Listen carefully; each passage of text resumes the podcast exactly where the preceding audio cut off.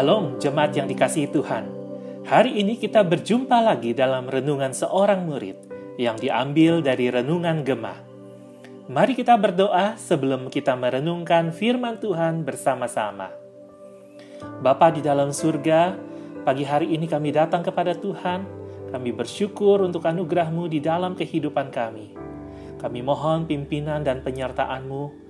Waktu kami membaca dan merenungkan firman Tuhan, mendengarkan penjelasannya.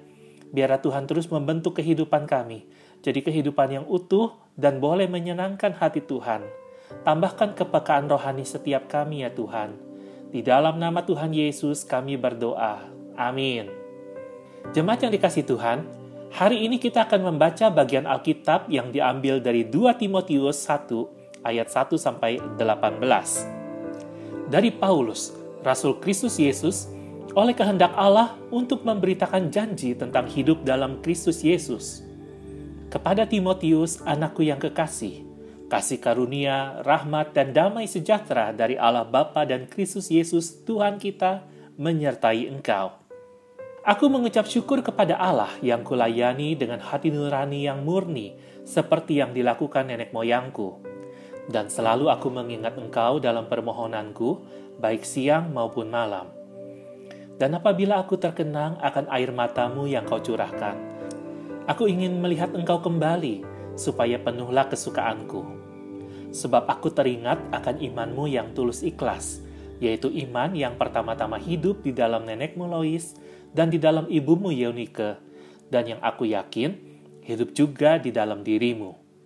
Karena itulah kuperingatkan engkau untuk mengobarkan karunia Allah yang ada padamu oleh penumpangan tanganku atasmu Sebab Allah memberikan kepada kita bukan roh ketakutan, melainkan roh yang membangkitkan kekuatan, kasih, dan ketertiban.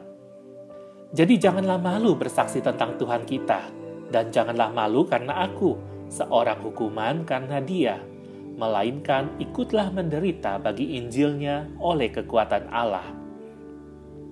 Dialah yang menyelamatkan kita dan memanggil kita dengan panggilan kudus, bukan berdasarkan perbuatan kita, melainkan berdasarkan maksud dan kasih karunia-Nya sendiri yang telah dikaruniakan kepada kita dalam Kristus Yesus sebelum permulaan zaman.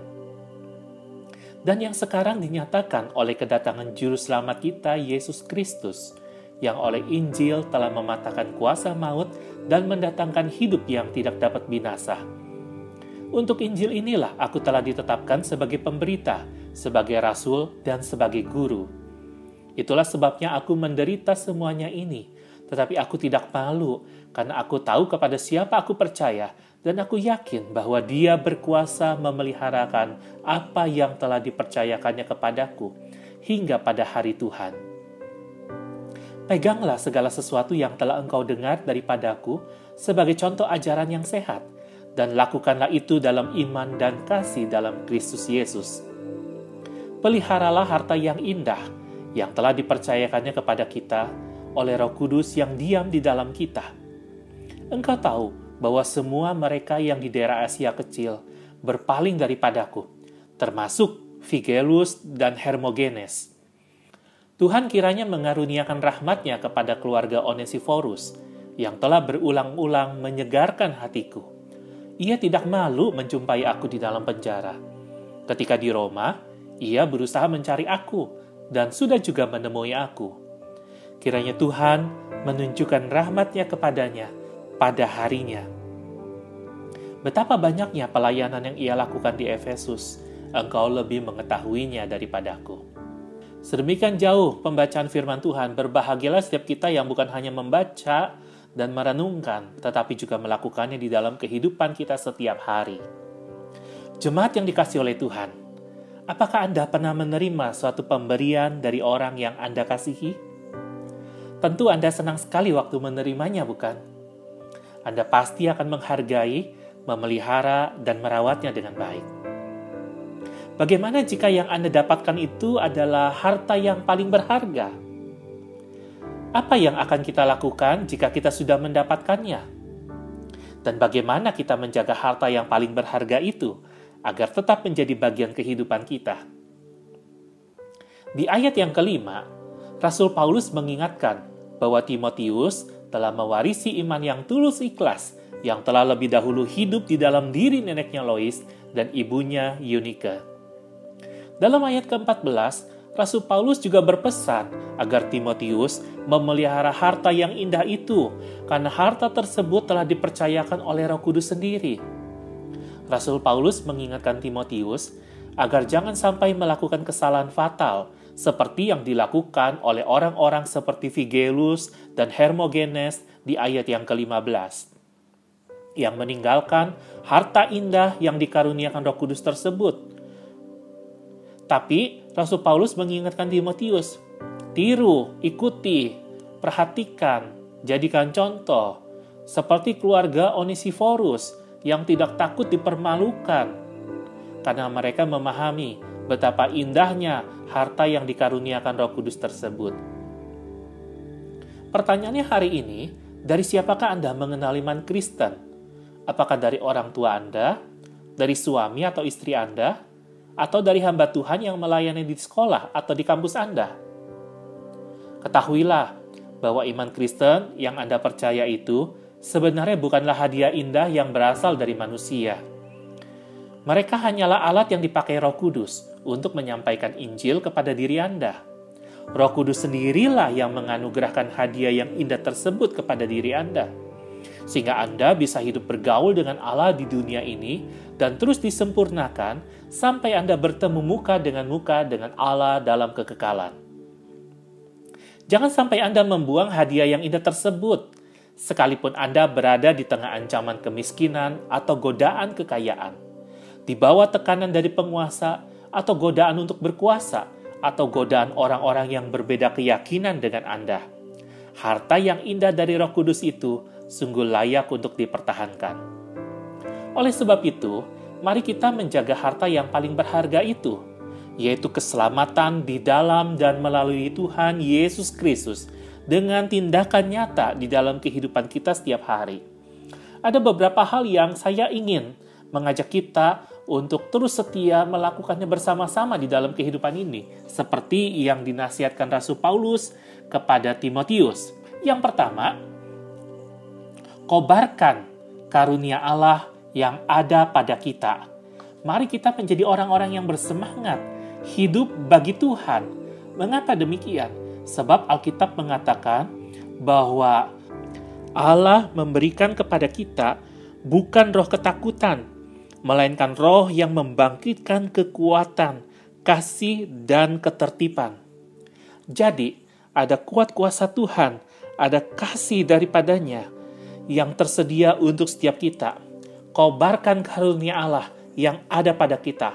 Hiduplah dengan bersemangat untuk memuliakan Allah dengan apa yang Tuhan percayakan di dalam kehidupanmu, baik engkau sebagai seorang pekerja. Bekerjalah dengan sungguh-sungguh karena ada karunia Allah di dalam kehidupanmu. Ada karunia Allah yang membuat engkau bisa menjadi seorang pekerja yang memuliakan nama Tuhan. Engkau yang menjadi dokter, engkau yang menjadi pengusaha, engkau yang menjadi guru, engkau yang menjadi pelajar, masing-masing kita ada karunia Allah. Kobarkanlah itu, hiduplah dengan bersemangat sebagai orang-orang yang sudah diselamatkan oleh Tuhan. Dan biarlah itu boleh mendorong kita pada poin yang kedua, bukan sekedar mengobarkan karunia Allah yang ada pada kita, tapi kedua, tidak malu bersaksi demi nama Tuhan. Ikutlah menderita bagi Injilnya apa pun yang harus menjadi resiko yang harus kita hadapi di dalam kehidupan iman kita bersama dengan Tuhan. Rasul Paulus menasihatkan kepada Timotius dan jangan malu bersaksi karena kita punya juru selamat yang telah mematahkan kuasa maut dan mendatangkan hidup yang tidak dapat binasa. Itulah yang menjadi semangat kita untuk terus menyaksikan Tuhan dan membagikan pengharapan dan keselamatan di dalam Yesus kepada dunia yang berdosa dan terhilang dari hadapan Tuhan. Yang ketiga, mari kita memegang teguh segala ajaran yang sehat.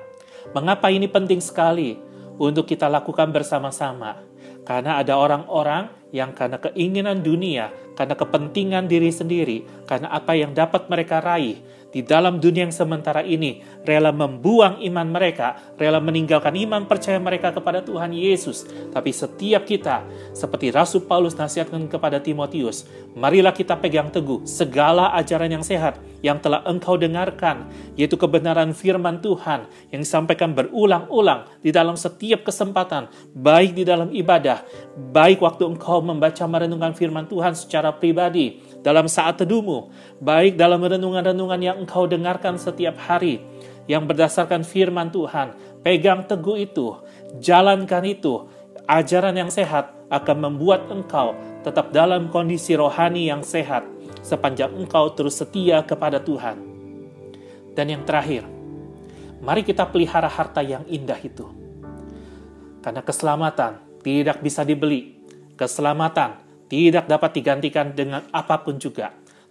Tidak ada apa pun juga di dalam dunia ini yang dapat melebihi nilai keselamatan yang sudah dikerjakan oleh Tuhan Yesus di dalam kehidupan kita.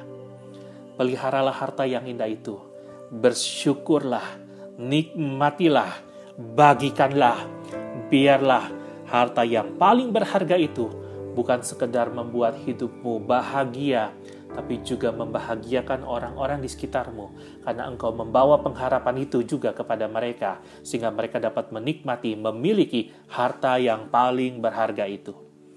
Kiranya Tuhan menolong setiap kita untuk tetap memiliki kehidupan yang meresponi Dia sebagai harta yang paling berharga yang pernah kita terima. Mari kita berdoa. Kami bersyukur kepada Tuhan untuk kebenaran firman Tuhan yang boleh kami renungkan bersama-sama hari ini. Terima kasih, Engkau telah menjadi harta yang paling berharga di dalam kehidupan kami. Hari ini kami mau menjadi orang-orang yang terus meresponi Tuhan dengan cara yang benar. Biarlah Tuhan kami boleh terus mengobarkan karunia Tuhan yang ada pada kami. Kami tidak malu bersaksi demi namamu. Kami memegang teguh segala ajaran yang sehat dan kami terus memelihara harta yang indah, bahkan membagikannya kepada orang-orang di luar sana. Kiranya Tuhan menyertai kami dan memberikan kami hati yang taat sebagai murid Kristus yang sejati. Di dalam nama Tuhan Yesus kami berdoa. Amin. Tetap semangat menjalani hari ini. Tuhan Yesus menyertai.